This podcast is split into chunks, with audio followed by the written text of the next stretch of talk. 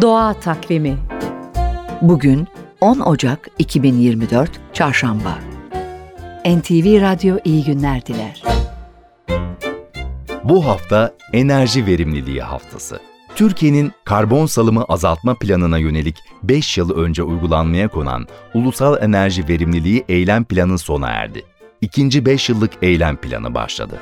İlk planda bina ve hizmetler, enerji, ulaştırma, sanayi ve teknoloji, tarım ve yatay konular olmak üzere toplam 55 eylemle Türkiye'nin birincil enerji tüketiminin %14 azaltılması hedeflenmişti. İkinci planın hedefi 2030 yılına kadar toplam emisyonu 100 milyon ton azaltmak. İnsan kaynaklı iklim değişikliğinin riskleri hakkında bilimsel çalışmalar yapan ve çözüm önerilerinde bulunan Hükümetler Arası İklim Değişikliği Paneli'nin son raporuna göre dünyada küresel ortalama sıcaklık için 1,5 santigrat derece eşiğinin altında kalma hedefine ulaşmak negatif emisyonlar olmadan mümkün değil.